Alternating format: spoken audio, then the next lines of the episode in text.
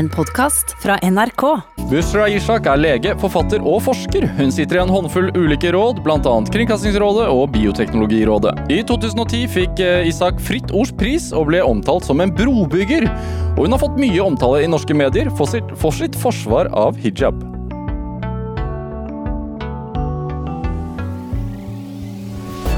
Dette er Drivkraft med Vegard Larsen i NRK P2. Bushra Ishak, varmt velkommen til Drivkraft. Tusen takk. Hvordan har du det? Jeg har det bra. Ja, Ja. Du er, eh, så vidt jeg forstår, eh, ganske sånn nylig tilbake i jobb etter mammaperm. Det stemmer. Ja. Er det Hvor lang tid tar det før man liksom klarer å koble ut bleier og amming og sånn, og er tilbake i liksom sitt gamle eh, jobbliv? Jeg tror det varierer veldig mye. Eh, For meg så begynte det litt tidlig. Eh, Jeg hadde lovet å levere en forskningsartikkel eh, i løp før jeg gikk ut i mammaperm. Så jeg følte at jeg måtte få gjort det i løpet av mammaperm. da. Så jeg snek meg ut i kafeer to-tre timer på kveldene og fikk skrevet litt på det når ektemannen min kom hjem. Så jeg syns jeg klarte å koble ut, men eh, ikke helt. Koble ut. Er sånn for, for, eh, for oss som har hatt perm, det å gjøre noe annet enn å passe barn er jo et, et strev. Det er det. Absolutt. Absolutt. Og, og jeg merket at jeg kanskje fikk barn litt for sent, for jeg syntes det var veldig strevsomt. Eh, og lengtet etter tilbake til det gamle livet, eller det vanlige livet, da. Eh, men samtidig så er det jo veldig givende, eh, og vi er jo veldig forskjellige. Jeg tror men jeg tror ærlig talt at vi, de som får barn litt tidligere, i 20-årene, begynnelsen av 20-årene, kanskje er litt mer tilpasningsdyktige, da. Hvorfor tror du det? Jeg tror man er så vant til å bestemme over seg selv og det livet man har, da, at man eh, blir kanskje litt mindre tilpasningsdyktig. Så jeg byttet jo ut eh, barselgruppen med vanlige venner, da, eller eh, kollegaer. Ja. Så jeg avtalte liksom eh, eh, og tok henne ikke ut på babysvømming. Det ble heller møter på Ullevål forskningsseminar som vi ble med, og jeg syns det er sunt, fordi fordi hun fikk da en mamma som uh, følte at hun var seg selv, da, i tillegg til at hun var mamma. Ja. Er, det, er det vanskelig egentlig å få til? Eh, det å være de to, både Ja. mamma og seg selv. Ja. Eh, jeg tror ikke det er vanskelig, men jeg tror det er en overgang. Eh, jeg husker da jeg kom tilbake for fullt i jobb, så slet jeg med dårlig samvittighet for at jeg ikke var mamma nok. da. Eh, og særlig overgangen til barnehage, for det er jo forskningsstudier som viser at eh, barn ikke har det så bra i barnehagen før de er tre, da. Før etter tre. Og det syns jeg var kjempetøft, for det, samfunnet vårt er jo ikke lagt opp til det. Eh, vi, altså, du får eh, knapt eh, som mamma fri til du er ferdig med amming. Eh, og det i seg selv er en overgang, da. Og i motsetning til altså, Vi har det jo bra her i forhold til veldig mange andre land. Eh, I USA f.eks. som hvor mange uker har man da? Tre uker før man må ut i jobb. Men, men eh, jeg er helt enig, det føles veldig rart å, å sende de til barnehagen når de er så små. Det går bra, da. Det går bra, og det går, de er kjempeflinke i barnehagen. Ja. Jeg tror det, mest, det handler mest om oss selv, da. eh, Hvor, hvor, hvor raskt vi klarer å omstille oss og, og, og på en måte forsone oss med, med de dilemmaene vi har i Ja. livet. Du eh, ble jo kasta litt sånn hardt og brutalt ut i det da, etter permen, fordi du er lege. eh, og ferdig med perm, og det var korona. Ja, jeg ble nok ferdig litt tidligere enn det. Ja. Og så tenkte jeg at uh, siden jeg var så kvalm i mitt svangerskap og ikke fikk yte nok forskning, så skulle jeg bare drive med forskning etter at jeg kom tilbake fra mammaperm. Uh, og la litt den eh, kliniske stillingen litt på siden. Den Er det en litt roligere start med forskning, eller? Eh, alt er relativt. Hvis du spør mannen min, så syns han at jeg jobber både før og etter eh, hun lille legger seg på 17. mai, på id, på alle mulige tider av døgnet. Så jeg tror det er veldig relativt. Eh, men jeg tenkte å legge den kliniske stillingen og være, ikke, være mindre doktor, da.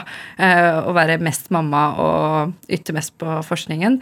Men så kom den lockdown som gjorde at jeg tror de fleste av oss følte at vi måtte bidra, da. Og at landet vårt eh, trengte oss på en eller annen måte. Eh, så da sa jeg fra eh, eh, at jeg kunne bidra. Så tatt litt forskjellige vakter, men det har mye, vært mye i koronateltet og legebilen for koronapasientene. Koronatelt, altså det er det teltet som møter folk på vei inn på et sykehus eller på et legekontor? Ja, det, det er mye forskjellig Legevakten og sykehuset? Ja, ja i ulike kommuner. Eh, men eh, sånn, Hvor har du stått?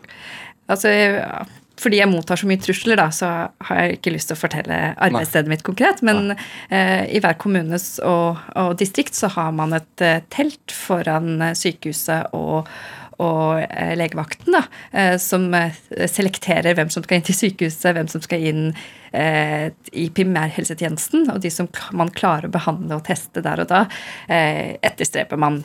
Eh, og så har man Alle distrikter og kommuner har egen legebil, men for de som har mistanke om korona, så har man satt egne ressurser til det. Og det er kjempefint, for da bruker man smittevernutstyr. Det er trygt for pasientene og vi som jobber. Mm. At det gås gjennom en rutine, da, og det er veldig tydelige tjenestelinjer. Hvordan har det vært? Det har vært veldig rart, for du er jo kledd med alt mulig, så du får liksom ikke gitt kontaktblikk og den samme empatifølelsen som du skal gi til ja, det, pasientene. Hva, da har dere hatt på deg sånn full drakt? Da har du på en gullfrakk på kroppen din. Ja. Eh, så har du på hansker. Du har på munnbind eller sånn eh, plastikkaktig Hette, liksom. Hette. Og så skal du også ha på briller. Eh, så, og så skal Det ser ut som du skal ut egentlig og, i en bikube. Absolutt. Så hører du ikke så godt, for du har på så mye. Eh, og hvis du skal hjem til folk, så må du undersøke folk i døra. Det syns jeg har vært utrolig, utrolig vondt da, for folk som har det vanskelig og skulle trengt legen. da. Eh, for legens jobb er ikke bare å kurere, det er å lytte og vise omsorg. Mm. Og jeg syns det har blitt litt mindre av de to sistnevnte, da. Ja. Er det eh, Det er jo lave smittetall nå. Tenker du at vi har ridda stormen? Er vi ferdig? altså vi, eh, Nå sitter jeg i Helse Sør-Øst, som vi har ansvar for sykehusene i Østlandet. Og vi har fått beskjed fra direktoratet å planlegge for en bølge utover høsten slutten av året. Så, så, da er det bare å ta ferie nå og så brette opp armene. Eh, men alt kan jo skje. altså Nå er jo varmen og man, Det er så mye vi ikke vet med dette viruset, da. Eh, så kan det hende at vi kanskje klarer oss eh, bedre gjennom denne krisen. Men, Hva tror men du som, selv? Nei, som helsepersonell så må vi tenke på det verste, og så får vi heller være takknemlige hvis det går bra. Ja. Det, har du vært Altså når, når, man møter pasienter som muligens er smitta, eh, så er man jo profesjonell, for man er lege og man skal undersøke de og sånn. Men, men, det er jo da en fare for at du drar med deg smitten hjem. Man vet jo ikke hvor lett det smitter. Har, det, har du vært engstelig for det? Jeg har, eh, jeg har, ikke vært engstelig for meg selv, men eh, mine foreldre er jo risikogruppen. Men eh, vi har løst det på at jeg ikke har fått truffet dem på en stund. Ja. Og, og, truffet dem på avstand. Og det syns jeg var veldig rart etter at det løsnet litt opp. Og det var så hyggelig å se mamma og pappa. men det har vært litt sånn vanskelig. Jeg ble jo satt i karantene sånn fire ganger nå i løpet av den perioden. For hver gang du har symptomer, så må du holde deg hjemme ja. til du blir bra. Ellers, så, til at du blir testet. Og det er litt utfordrende med en ettåring hjemme som skal klatre på alt mulig, for i begynnelsen så skulle jo hele familien isoleres. Så det, det, var ikke så lett. Men jeg tenker at det er det minste vi kan bidra uh, med i samfunnet vårt når vi står overfor en sånn krise. Da. Men i, i tillegg til dette her, så uh, til koronaen, så, så, har du sittet i, i Bioteknologirådet siden 2017. Ja. Uh, og dere har nylig kommet ut med en uttalelse om nye endringer i bioteknologiloven. Det stemmer. Hva, så det må jo også ha vært litt hektisk, eller? Nei, altså, Jeg er vant til å ha mange baller i lufta, ja. så jeg syns det verste perioden med å ha så mye forskjellig, var da jeg var medisinstudent. Eh, bioteknologiloven, eh, det er eh, rådet, eh, det er et verv jeg har ved siden av. Og, hva, hva, innebærer det å sitte der? Hva gjør dere? Møtes dere og prater om bioteknologi? ja. ja. Vi har faste møter noen ganger i året, og så tar vi opp og diskuterer ulike saker eh, som eggdonasjon, sæddonasjon osv. Og, så og vi er jo veldig mange forskjellige mennesker i det rådet. Og jeg tenker at noe av vår rolle er å bidra til argumenter for og mot for å gi politikerne, eh, alle mulige aktører i samfunnet, noen eh, tanker da, mm. eh, om hvordan vi skal forholde oss til det. Og når det gjelder bioteknologiloven, så kom den jo veldig brått på oss. fordi vi trodde jo at den saken var helt død. Eh, da KrF gikk inn i regjering med Frp, så hadde man jo svelget noen kameler og gått eh, inn for at et forlik. da. Men så plutselig så gikk Frp ut av regjeringen, og jeg tror satte fleste av oss i samfunnet litt eh, litt ut, da. Mm. Så vi hastet behandlet de sakene, og, og, nå vedtok jo Stortinget veldig mange brede endringer, da. Hva er, hva, hva er de største endringene? Altså, sæddonasjon og Nei, unnskyld, eggdonasjon og tidlig ultralyd er jo en av de største sakene som har vært ute. Men jeg syns det er veldig mye annet interessant som ikke har kommet frem. F.eks. så har man eh, innført et forbud mot å teste barn. Altså Man har hatt en historie hvor eh, foreldre tester barn for ulike idrett de kan prestere best i. Eh, for å tenke på en toppkarriere innen idrett. Synes jeg er veldig... Foreldre har gjort det? foreldre har gjort det. Ja. Og det, det, er å på en måte undergrave barns rettigheter. Da. Eh, og det har vi nå, eh, stort, eller vi sier, Stortinget innført et forbud mot, som jeg mener er å styrke barns rettigheter. Så, Også, så man kan teste, altså Er det en DNA-test, eller hva er det for noe? Det er veldig enkelt. altså Det finnes ulike kommersielle tester, men ja. man kan på f.eks. ta håret eller eh, noe fra barnet og så sende det på, eh, på en, eh, av gårde til utlandet. Ja. Så, hvor man analyserer ulike egenskaper.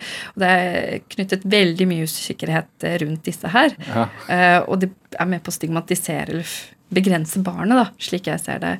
Men en annen veldig interessant eh, tema er jo dette med preimplantasjonsdiagnostikk. Eh, Hva er det?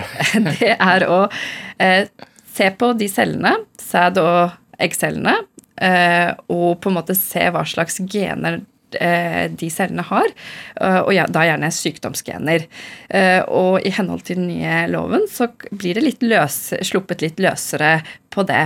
Som betyr? Som betyr Jeg vet ikke om du husker Mehmet-saken for uh, ca. 17 år tilbake. Den lille tyrkiske gutt, eller bak, gutten med tyrkisk bakgrunn som hadde en blodsykdom som heter thalassemia. Uh, og da ønsket foreldrene hans uh, en behandling uh, som gjorde at han ble kurert, så han slapp disse stadige behandlingene. Og de ønsket da å lage ny, nytt barn som ikke hadde sykdommen, mm. og som samtidig var det man kaller eh, vevsforlik hadde, hadde samme type gen, eller celleprofil da, som gjorde at eh, materialet fra den nye babyen kunne komme inn i Mehmet og mm. kurere Mehmet med sykdommen. Eh, det, jo, det, førte jo til en regjeringskrise. Eh, KrF satt i regjeringen da med Dagfrid Høybråten som eh, helseminister. Og til og med SV, som er et liberalt parti, måtte gå i tankeboksen. Mm. Så det er veldig interessant å huske på at det var en muslimsk kvinnes ønske da, som var med på å liberalisere hele bioteknologiloven og førte til da en, det, da en, endring. Og det var starten på, på en, måte en type liberalisering av bioteknologiloven som jeg syns er veldig interessant å se retrospektivt. Da. Men hva tenker du men det bør det være grenser for hva, hvor mye man kan tukle med det? Altså det å fjerne en eventuelt sykdom er én ting, men altså, hva tenker du om grensesettingen? Altså, det er utrolig viktig med en etisk refleksjon og noen grenser. Men jeg syns jo eh, det... Sort, Sorteringssamfunnet er et ord som har kommet opp? Ja, og jeg må si at uh, min kollega da, uh, Synne Lerhold i uh, Bioteknologirådet, hun er jo selv født med medfødt sykdom. Hun sier at det ordet sorteringssamfunn er ganske sårende for de som har denne sykdommen. Men jeg tenker at det er utrolig viktig å ha den samtalen på en prinsipielt grunnlag. Og generelt så syns jeg jo at eh, det er utrolig viktig med mangfold. Det skal vi etterstrebe, men jeg forstår ikke hvorfor det ansvaret skal ligge på kvinnen alene. For det å få et alvorlig sykt barn går som regel utover kvinnens karriere, kvinnens liv. Skilsmisseraten går opp, det vet vi fra tidligere. Så jeg mener at det å ha rom i samfunnet for at kvinnen skal bestemme For det er ikke med dette sagt at alle kommer til å ta abort hvis de oppdager, men jeg mener at det er en frihet mm. kvinnen bør ha. Og så må man tenke et større perspektiv med dette med preimplantasjonsdiagnostikk. At vi kan i større grad hindre sykdom enn å behandle. For eh, helsevesenet er jo presset, og i tiden som kommer fremover, så vil vi være enda mer presset. Ja. Jeg tenker, altså, Du nevner jo KrF. og de er jo veldig imot, uh, grovt sagt, altså, å tukle med biologi. Uh, vil at ting skal gå sin naturlige gang. Eh, de er mot abort, eh, sånne ting. Men du er troende selv, eh, muslim. Så hvordan stiller du deg til det?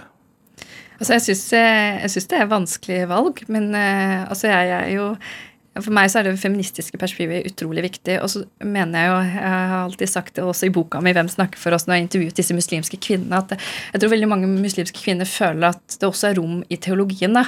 En sånn parole som jeg kom frem til i boka mi, var 'bekjempe teologi med teologi'. Og når det gjelder abort, da, og det var egentlig Malala som ledet, intervjuet henne, og jeg husker jeg spurte henne 'Hvorfor går du med det skautet ditt?' Eh, så sa, og 'Hvorfor vil du ta utdannelse?' Så sa hun, så så hun veldig skarpt på meg da, og trodde jeg var en sånn veldig islamkritisk stemme. Og sa at eh, vet du hva første setningen i Koranen er? Les i Guds navn. Og Gud skiller ikke mellom kvinner og menn når han sier les. Og det betyr at jeg har rett til utdannelse. Det er veldig fascinerende med hun, da, Malala og veldig mange feminister ute ut i tredje verden, er at de bruker ofte religiøs terminologi. Og de samme koranversene som f.eks. Taliban brukte mot henne, bruker hun. da. Ja. Og med dermed så er vi inne, inne i en sånn samtale at det er rom for fleksibilitet da, og tolkning, og særlig når kvinnene blir med på laget. Når det gjelder abort, da, så uh, legger islam til grunn dette med uh, det er veldig interessant, da, men man legger til grunn Aristoteles beskjellingsteori. Og tenker at uh, når et egg blir befruktet, så tar det ca. 100-120 dager før sjelen pustes inn. da. Det var det Aristoteles sa, og det er det muslimske lærde stå på. Så man fraråder jo Eller man syns ikke abort er kjempebra, og, men mener at eh, veldig mange muslimske land går altfor langt med de abortlovene de har. Men man anser ikke det som drap eh, hvis man tar abort da, før den tiden. Og man kan egentlig gjøre ganske mye med det. Det ser man i enkelte muslimske land. Og der så mener jeg at, og derfor så er det veldig enda viktigere da, for kvinner som meg da, å få informasjon om fosteret så tidlig som mulig, med tidlig ultralyd, NIPT-test osv., for at vi kan ta de valgene vi syns er viktige. da. For det er ikke alle som er like modige tøffe, da. Hva er en IPP-test? Altså, unnskyld meg ja, når du er, bruker legetermer. Ja, beklager det. Og det er veldig fint at du spør. Ja. Det er en test som du tar, eh, blodprøve som du tar eh, for å se eh, etter eh, de såkalte en del av trisomiene, og, og bl.a. Downs syndrom. da.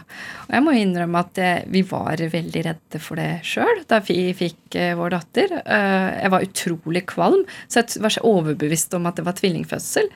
Eh, og det å sitte igjen med den frykten, for det er kvinnen som bærer barnet og skal føde, med all det innebærer for kroppen hennes. Mm. Eh, så jeg tenker at den, denne selvbestemmelsesrett er utrolig viktig. Og jeg mener at hvis Gud elsker meg, så vil han også gi meg retten til det. da. Så jeg mener at jeg gjør det i troen min. ja, det er din tolkning av det? Absolutt, men det er en konsensus, dette ja. med beskjelingsstrategi, og at det ikke er noe altså per definisjon ikke drap før den grensen, da. Ja. Uh, ja. Hva, er, hva, er, den generelle uh, konsensusen i, i, muslimske miljøer? Altså, du har jo skrevet en bok om, om muslimer i Norge.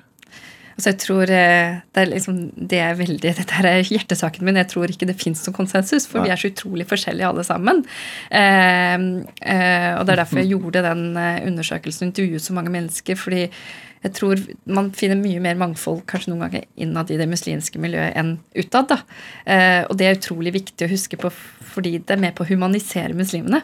Eh, for jeg tenker at det er utrolig viktig at vi ser forbi disse barrierene av hijab, hudfarge, og ser hverandre først og fremst som mennesker. da. Mm. Og hvis vi gjør det, så klarer vi å på en måte etablere mye mer av det jeg kaller bærekraftig norsk identitet.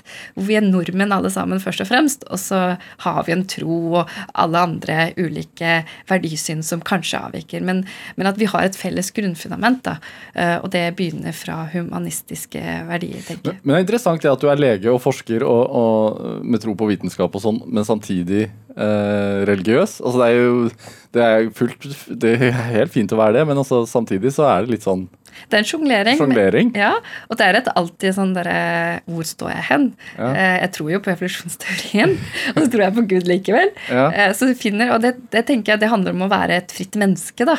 Eh, at vi kan være litt av hvert.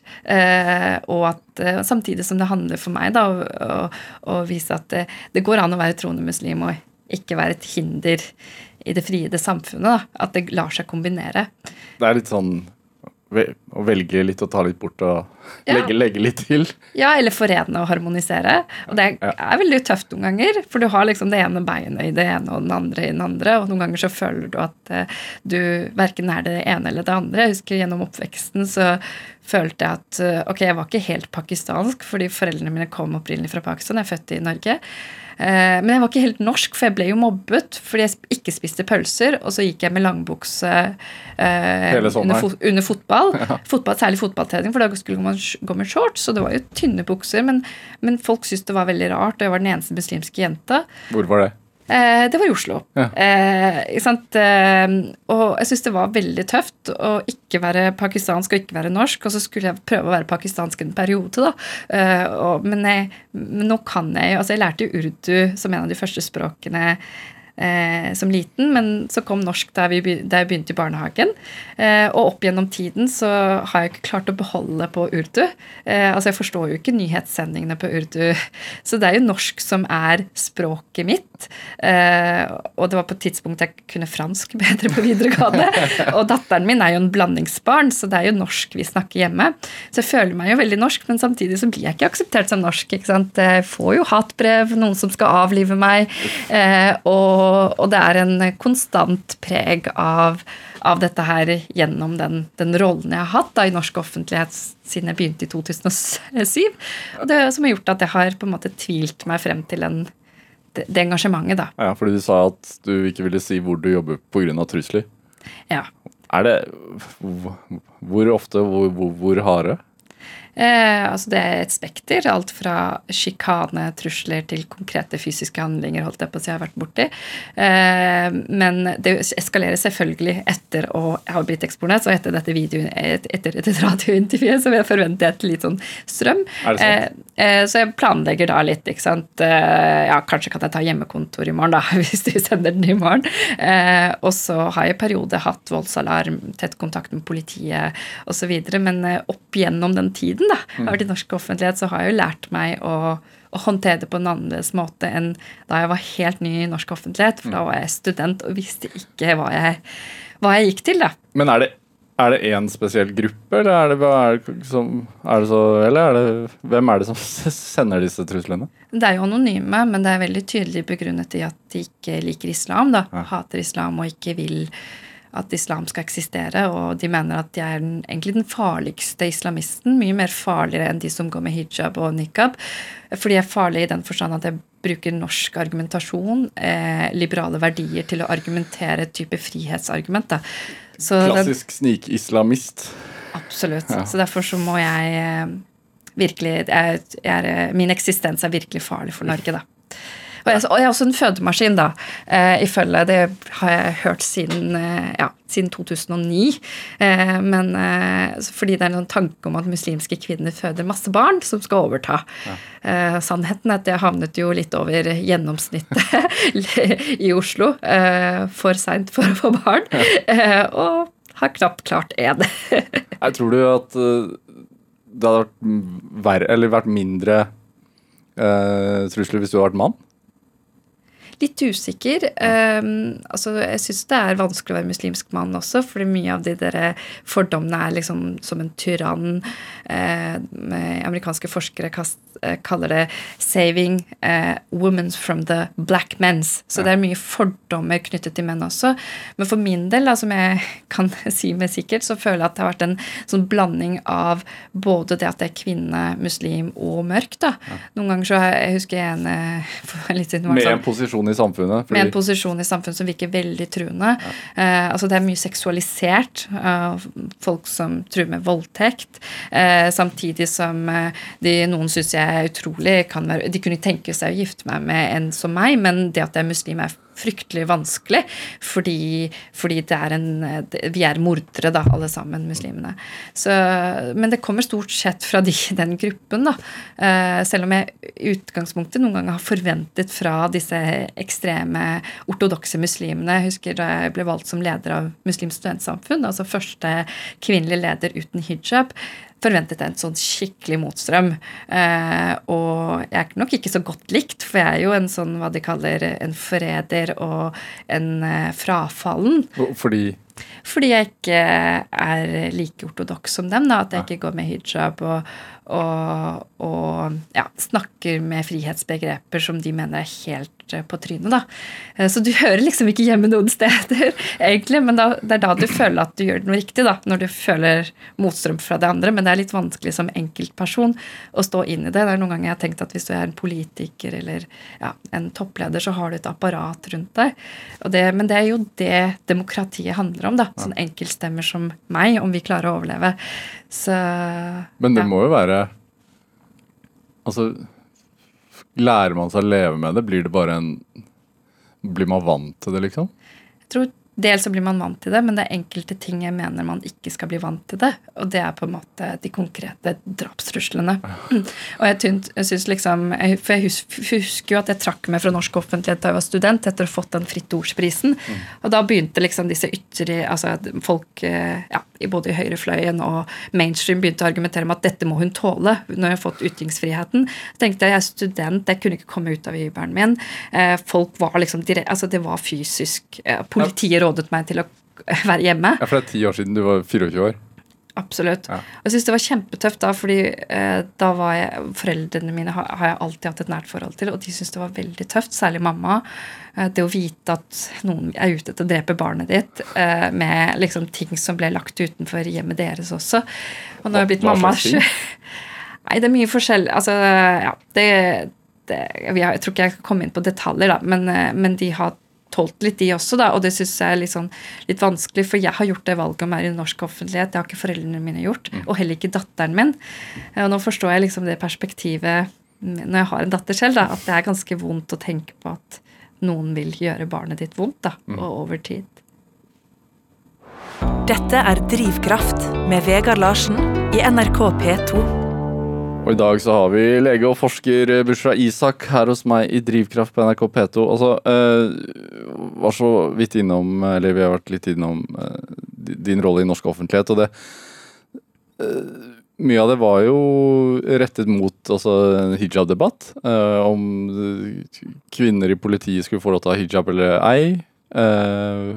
Eh, kort oppsummert, eller var det, var, var det godt nok oppsummert? Eller hvordan vil du oppsummere det? Ja, det, det er nok riktig, men jeg er ikke hijab-dame. For jeg går jo ikke med det sjøl. Jeg ble jo altså Riktig referert at eh, jeg var Hijab-dame. Ja, eller jeg går jo ikke med hijab, Nei. eh, eh, som det ble referert til innledningsvis. Altså, jeg var jo leder av Muslimsk studentsamfunn da denne debatten om eh, en kvinne, en student eh, med skaute, ønsket å bli politi. Og så fikk man først lov til det, og så ble det kjempepolitisk debatt, for man mente bl.a. det islamiserte Norge. Jeg satt jo da som leder av Muslimsk studentsamfunn, eh, nyvalgt. Jeg hadde aldri vært på TV. Jeg husker NRK ringte meg og spurte om jeg kunne stille opp i debatt, eh, for det var jo studenter som jeg representerte som ville inn i Politihøgskolen. Så sa jeg at jeg aldri har vært på TV før, og jeg syns det er for skummelt, så kan dere være så snill ringe heller lederne av Islamsk råd. Så husker jeg at eh, generalsekretæren i Islamsk råd ringte meg, Shoaib Sultan, som er nå Miljøgrønne, Miljøpartiet De Grønnes kandidat, kandidat, og sa at du, dette handler om kvinners rett til å bære skaut. Det er noe dere kvinner gjør. Hvorfor kaller du det skaut? Ja, fordi jeg synes det er jeg, bruk, jeg tror det er utrolig viktig da å bruke norske begreper. Fordi man skaper en unødig barriere ved å bruke fremmedbegreper. Så jeg er veldig, det var jeg veldig bevisst på da jeg var spaltist i Aftenposten, at for meg så er Språk norsk er språk eh, det viktigste. Og det er sånn vi kan skape et språk, en dialog, da. Så, så han ringte og sa at eh, vi, kan ikke, vi muslimske menn, og i hvert fall ikke jeg, kan forsvare noe dere kvinner ønsker, så denne debatten må dere ta sjøl. Så spurte jeg de andre i styret, ingen ville stille opp. Og så måtte jeg jo ta det lederansvaret. Så før jeg visste ordet av det, så var jeg på TV annenhver dag de ukene. Det var en utrolig het debatt. Og jeg mener jo at jeg forsvarte jo retten til å bære skaut akkurat på den måten at eh, jeg eh, argumenterer for retten til å ikke bære skaut. For jeg mener at det er opp til kvinnen å bestemme. Og så eh, mener jeg at eh, hvis vi skal ha likestilling, hvor vi har en representasjon av alle mulige eh, folk i ulike sektorer, så må man også gjenspeile de som velger det. Og at ikke, Jeg syns det er, skulle vært så utrolig vakkert hvis en kvinne med hijab sto utenfor den norske synagogen med, med, med den, det norske symbolet på det norske flagget med korset på, og vise at vi er et mangfold. Eh, og vi er, nord, vi er nordmenn. Men jeg tenker at den debatten er lagt heldigvis til side. Eh, og at for meg så ble det på en måte en eh, Altså jeg, jeg fikk i hvert fall høre av de, de som syntes jeg gjorde en bra jobb, da, at det, det var på en måte et tomrom jeg fylte. For det var en del ekstreme muslimske stemmer, og så hadde du de som hadde brutt ut av miljøet.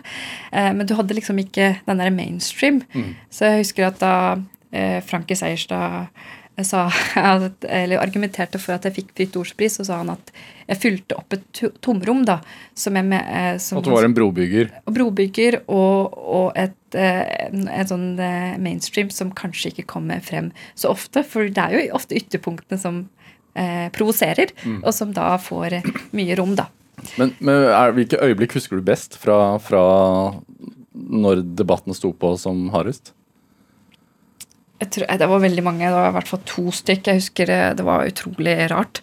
Eh, men det var Jeg husker jeg hadde vært på Det var noe som het eh, TV2 Brennpunkt, og så var det eh, Viggo Johansen 21-debatten. Så jeg husker jeg var på TV2 først rundt eh, sju, og så skulle jeg ta drosje til NRK så var det jo veldig sånn politisk betent debatt. Og jeg kan jo ingenting om makt og hersketeknikker, men jeg husker hun ene kvinnelige politikeren eh, var veldig sterk mot det jeg sa. Og etter TV 2-debatten så vil ikke hun at jeg skal ta noen annen drosje enn henne, og at jeg skulle følge henne til NRK. Og Det syns jeg var utrolig vondt. at, uh, altså Det var jo en hersketeknikk og, og, fikk meg til å gråte. Og da jeg husker jeg kom inn i, til NRK, så var jeg tårer. og Det er jo fantastisk at eh, NRK har på en måte vært med på å skape de stemmene som man har gjort, da, og jeg var en av de. Så husker jeg at uh, dere i NRK sa at du gjorde en bra jobb. Det er en hersketeknikk. Få deg vann. Vi skal på de. Jeg syns det var utrolig viktig, da. Men for meg så var det dette med å være sivil et sivilt menneske mot maktpersoner, som var utrolig vanskelig.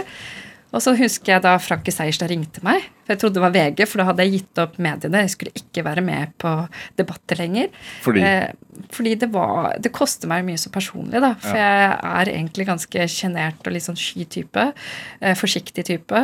Så lærerne mine er jo kjempeoverrasket over at jeg er blitt en offentlig person, for jeg sa jo ingenting i klasserommet.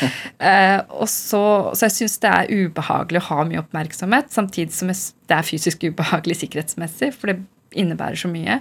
Uh, og så er dette med dette hvorfor, hvorfor, gjør du det da? Nei, Det er veldig vanskelig. Det er nettopp det. Uh, jeg har tvilt meg frem til det. For uh, altså Jeg syns jo det, det ja, det er vanskelig. Jeg syns det er viktig å gjøre forskjell, da. For jeg ønsker å være muslim, og jeg ønsker å være norsk. Og jeg ønsker at datteren min skal slippe å liksom hele tiden på en måte forsvare at hun er muslim. da. Mm. Eh, samtidig så tenker jeg at det handler noe om at jeg ønsker å realisere meg selv som et selvstendig individ. Da, på en måte at det gir meg noe tilbake, at jeg gjør noe godt for samfunnet. Eh, så det andre punktet jeg husker godt, var at Frankie Seierstad ringte og jeg avviste samtalen, for jeg trodde det var VG. Og så to-tre ganger så sendte han SMS. og ja, det Frankis, Professor Frankie Seierstad så tenkte jeg professor har jeg veldig stor respekt for. Kanskje var det en av mine foreleserne, et, et eller annet. da. Så jeg opp opp hos Han sa at eh, vi ønsker å gi deg Fritt Ords pris. tenkte jeg jøss, yes, det er det ingen andre muslimske jenter som har fått. Og da, da var det jeg som var den yngste, da, som ja. Eh, som dro ned til gjennomsnittsalderen. Og det syns jeg var veldig veldig stort. Ja. Hva syns moren og faren din, da? Nei, De syns det var kjempeflott. da. Og foreldrene mine har jenter og en gutt, og de, pappa sier jo at uh, jeg er mer stolt av jenta mi enn gutten min. Noen ganger, da. Men uh, han er jo stolt. Hva, hva syns broren din om det? Nei. Nei, Han sier det i en sånn feministisk perspektiv, da, for å gli, uh, gjøre meg glad. Ja. Fordi det har alltid vært mot dette med, i hvert fall i tredje verden, så er dette med, i hvert fall i, ja, i opprinnelseskultur i Pakistan, i India, så verdsettes gutter mer, da. Ja. Fordi de skal ta vare på familien, vise omsorg og bære familiens navn. Så pappa sier det litt spøkfullt. Uh, men, men men uh, han er nok stolt av alle. Bare litt mer stolt av hun som har vunnet Fritt Ord. eller uh, Ja. Busha, du har med litt musikk Jeg syns vi skal høre den låten du har med. Hva, hva, hva, hva har du med til oss? Nei, du, du Jeg var litt uforberedt, så da du spurte om en sang, så tenkte jeg bare på Ronan Keaton uh, When You Say Nothing At All. Favorittlåten, hvorfor det? Nei, Jeg vet ikke. Jeg tror det er en låt jeg kanskje bare har hørt mest på. Uh, da jeg var ungdom, så hørte vi på alle disse boybandene. Uh, jeg tror jeg har klinget av det meste med det, hatt med den sangen her, da. Er det, altså det lurer jeg på, for jeg har hatt en uh, kirurg her før, og du har jo bakgrunn som kirurg. Hører du på, altså Opererer du nå lenger? Eh, ikke på fulltid, eh, men det er liksom musikken du kobler av på. Jeg husker Da jeg var i Afrika, så gråt jeg for å gråte ut, eh, for du må jo gjøre veldig tøffe valg. Ja. Eh, og så hørte jeg på musikk. Ja, men fordi Han fortalte at han hørte på musikk mens han opererte? Nei, det tør jeg ikke. Da må jeg ha full konsentrasjon. ok, Vi får høre Ronan Keating, da, 'When You Say Nothing At All'. Jeg tenker bare på den Notting Hill-filmen når vi hører den. Her er i hvert fall den.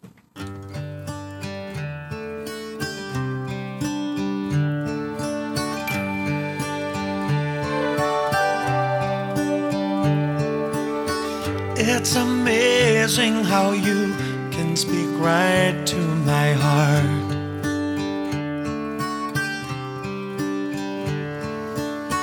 Without saying a word, you can light up the dark.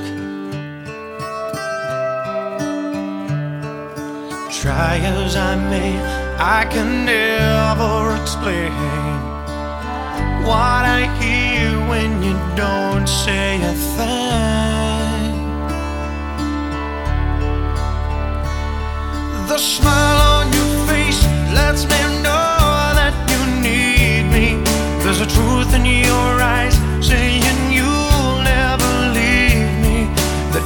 of your hand says you'll catch me wherever I fall.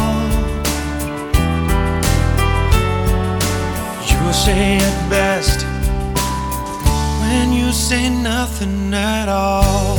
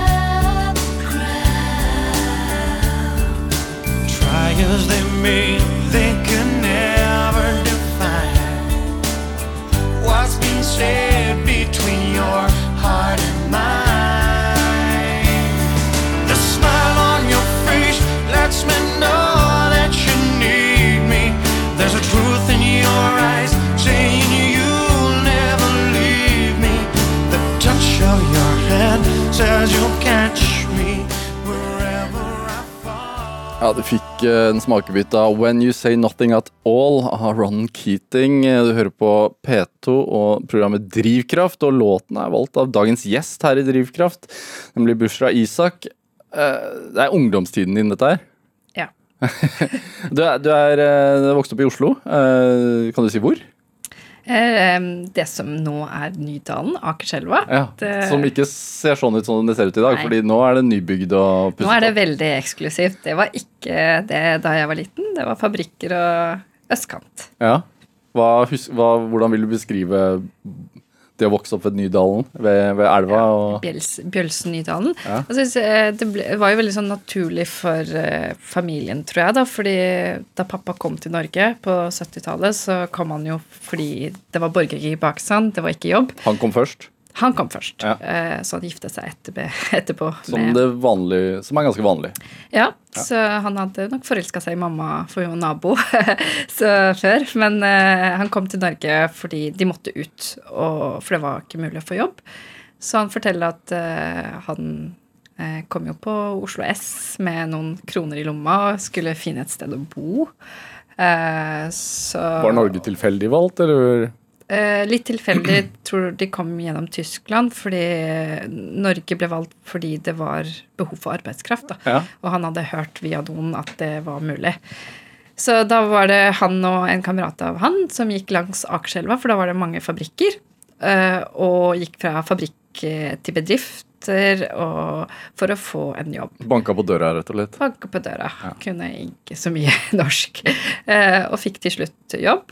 Så jeg tror liksom det var ganske naturlig å bo liksom i nærheten av jobben. da. Hadde han utdannelse da? Eh, Pappa hadde mm, begynt på universitetet. Han hadde veldig lyst til å bli natur, altså kjemiker. Så jeg tror han, noe av største sorgen hans da i livet er at han ikke fullførte.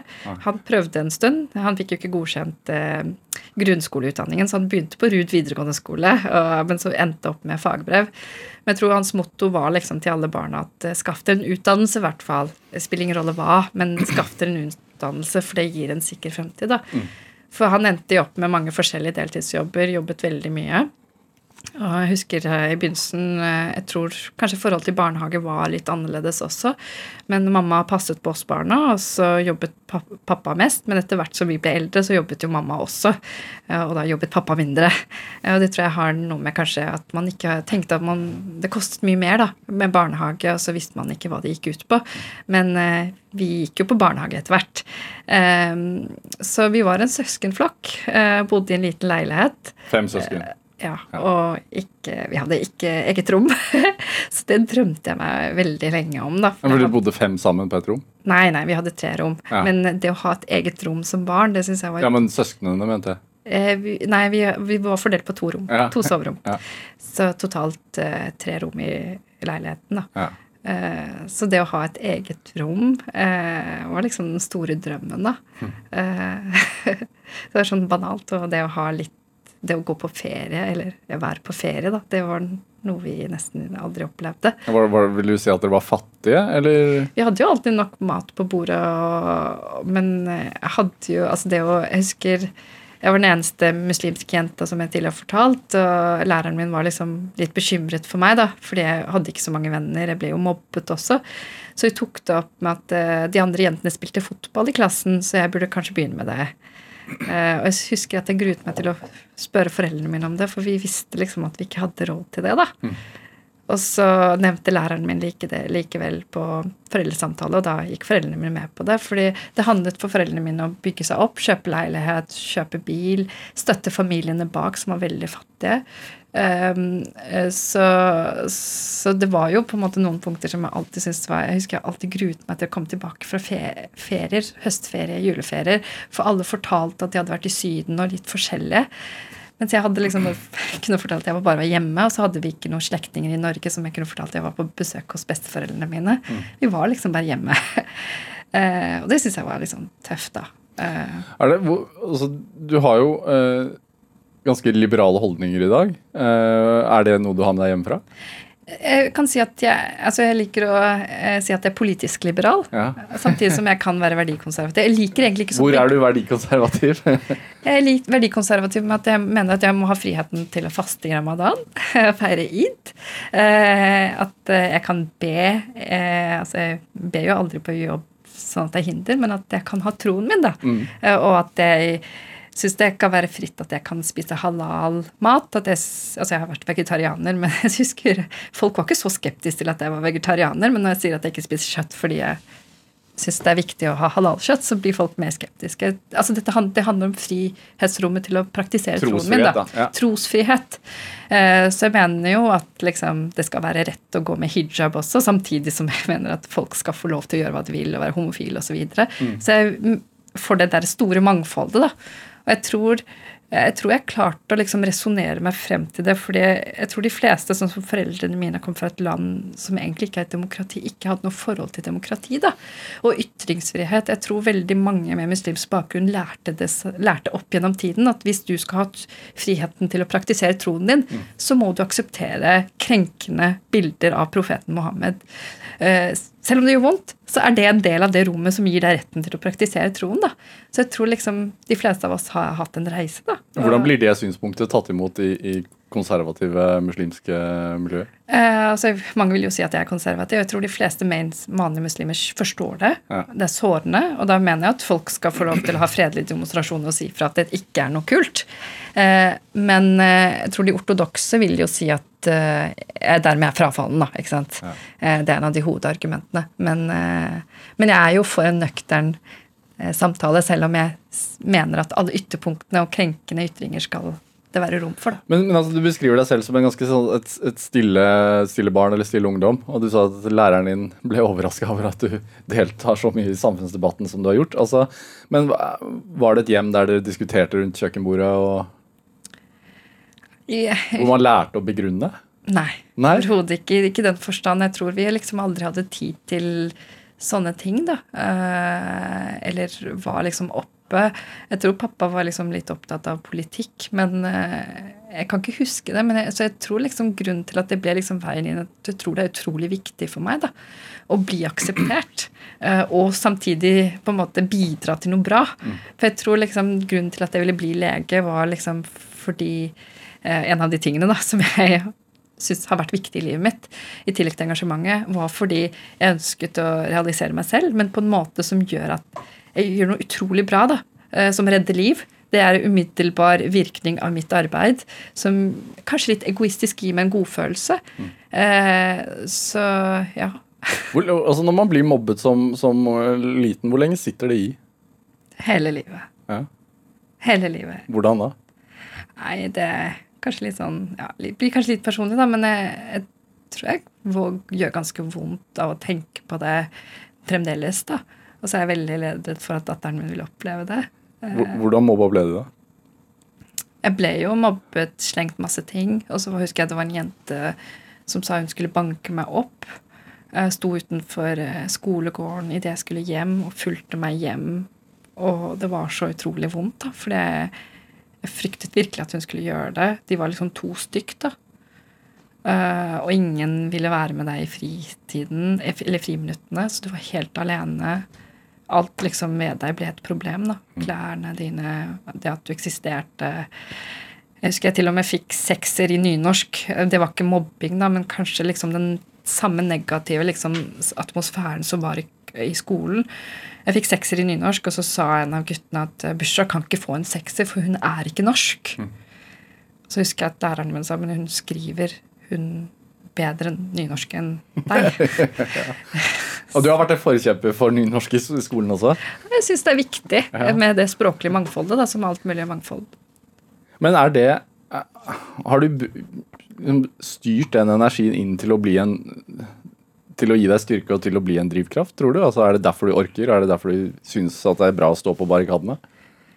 Jeg er litt usikker, men kanskje det. Altså, jeg vet hvert fall at det ble en drivkraft å få toppkarakterer. For det betydde jo å være helt usynlig. Altså, så jeg følte at det å få toppkarakterer og bli best i klassen var en måte å mestre på. Og vise, at vise de andre? vise at jeg var bra. Ja.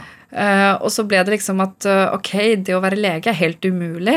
Det er liksom det største ideale miljøet. Det er ingen med muslimsk bakgrunn som blir leger på den tida, da. Nå er det mange. Det er mange. Så det var liksom det øverste idealet. Og da skulle jeg satse på toppen, for det, da kunne jeg virkelig redde liv. Og det står i tronen i Koranen da, at hvis du redder ett menneskeliv, så er det som å redde hele menneskeheten. Så jeg tenkte at jeg skal nå toppen. Det klarte du, da. Ja, til en viss grad, da. jo, du har jo blitt lege, da. Og du har jo reddet noen liv. Ja. Ja. Hvordan føles det da? Det føles veldig bra ut, så det er sånn nostalgi i begynnelsen, men eh, etter hvert så blir det jo litt sånn som lege, liksom rutine, da. Og blir lei jobben din og har lyst til å forske eller dra ut til å jobbe i Afrika, som jeg gjorde, da. eh, Og redde hele verden. Så jeg tror det er liksom med bølger, men vi leger jobber jo altfor mye. Jeg Ja. føler liksom jeg kom opp i 118 timer en eh, uke. Og da kjente jeg at jeg ikke hadde så veldig mye annet liv enn jobben. Men de som mobbet deg, hva tenker du om de i dag? Jeg vil ikke tenke så mye. Nei. Eh, du, du har skrevet eh, bøker. Ja. Eh, fått mye ros for det, men også fått kritikk. Og du skriver i, en av bøkene dine at kollegaene dine kaller deg den vakthavende muslimen. Hva, hva er det? Nei, det er litt sånn der uh, Som lege da, i, på sykehusene så har man en vakthavende lege som tar imot alle akutte åtte tilfeller eh, gjennom døgnet, eller deler av døgnet. Jeg føler jeg har vært liksom den vakthavne muslimen at hver gang en sånn brennbar debatt om hijab eller karikatur dukker, så må jeg liksom ut og rykke ut, for det er liksom akutt. Mm -hmm. Og så roe ned. Så det er liksom det kollegaene mine forbinder med det. da. Eh, og, men så har jeg sagt at det er veldig slitsomt å være muslim. Jeg liksom hele tiden være muslim i barnehagen, eh, møte andre kollegaer. Alt handler om islam. Det første man ser, er muslim? Ja, ikke sant, muslim. Særlig jeg tror de kvinnene som går med hijab, synes, en kollegaen som sa jeg er drittlei av å være muslim. Men fordi vi skulle ønske vi var liksom som vanlige folk. da. Mm. Eh, og når det gjelder liksom boka mi, så tenker jeg at for meg så var det veldig viktig å, å nyansere den samtalen. Det sies veldig mye om muslimer, men, men det er veldig lite om hva muslimer sier om seg selv da, mm. Eh, og sine verdier. Så jeg ønsket å gjøre en befolkningsundersøkelsen, og så intervjuet jeg veldig mange folk, bl.a. Malala, men jeg snek meg også inn i Saudi-Arabia. Og intervjuet vanlige arbeidsinnvandrere og kvinner der. Så jeg tror neppe jeg kommer til å få lov til å komme inn i Saudi-Arabia igjen, men jeg syns det var et utrolig viktig prosjekt for min del å, å komme med saklighet.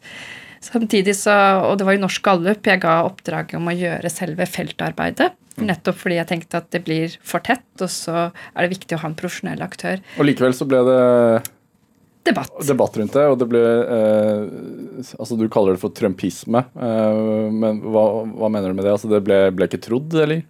Altså, ja, altså Før boka kom ut, allerede da så så jeg på Dagsnytt 18 og veldig mange politikere, i hvert fall høy, Frp, som mente at dette her må man bare skrote. Ja, for Hva var det boka di altså sånn grovt sett, hva, hva hevder den som de ikke trodde på?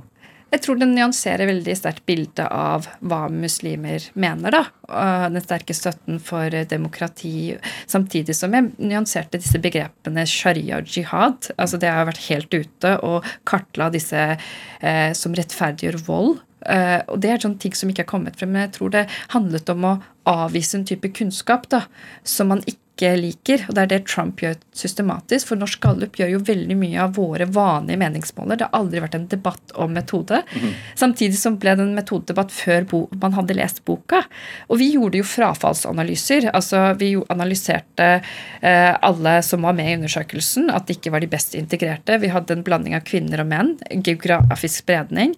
Etnisk bakgrunn. Det var ikke pakistanerne bare. Det var altså somalsk bakgrunn, eh, afghansk bakgrunn, et, eh, bosnisk bakgrunn bakgrunn. Og så da vi så på hvem som hadde svart, da, mm. at det ikke var de bare best integrerte, så hadde vi spredning eh, i både de som var arbeidsløse, høyutdanna osv. Og, så og hadde en, hadde en kjempestor eh, referansegruppe bestående av landets beste professorer. Thomas Hylland Eriksen, professor Torkel Brekke med mer. Mm. Og når man likevel liksom med den store faglige tyngden ikke sier at boka er ikke verdt å lese, da, hvem snakker for oss, så tenker jeg at det handler om en sånn grunnleggende mistillit. da, At hun er muslim, hun kan ikke forske, og vi kan ikke tro på det hun gjør.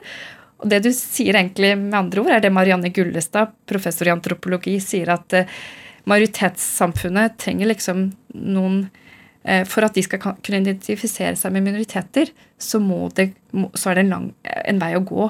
Men samtidig, så, for, for, meg, så handler det om likestilling. At mm. jeg, hvis jeg har, er kvinne og er muslim, så kan ikke jeg være lege, kan jeg ikke være forsker, fordi jeg har den bakgrunnen.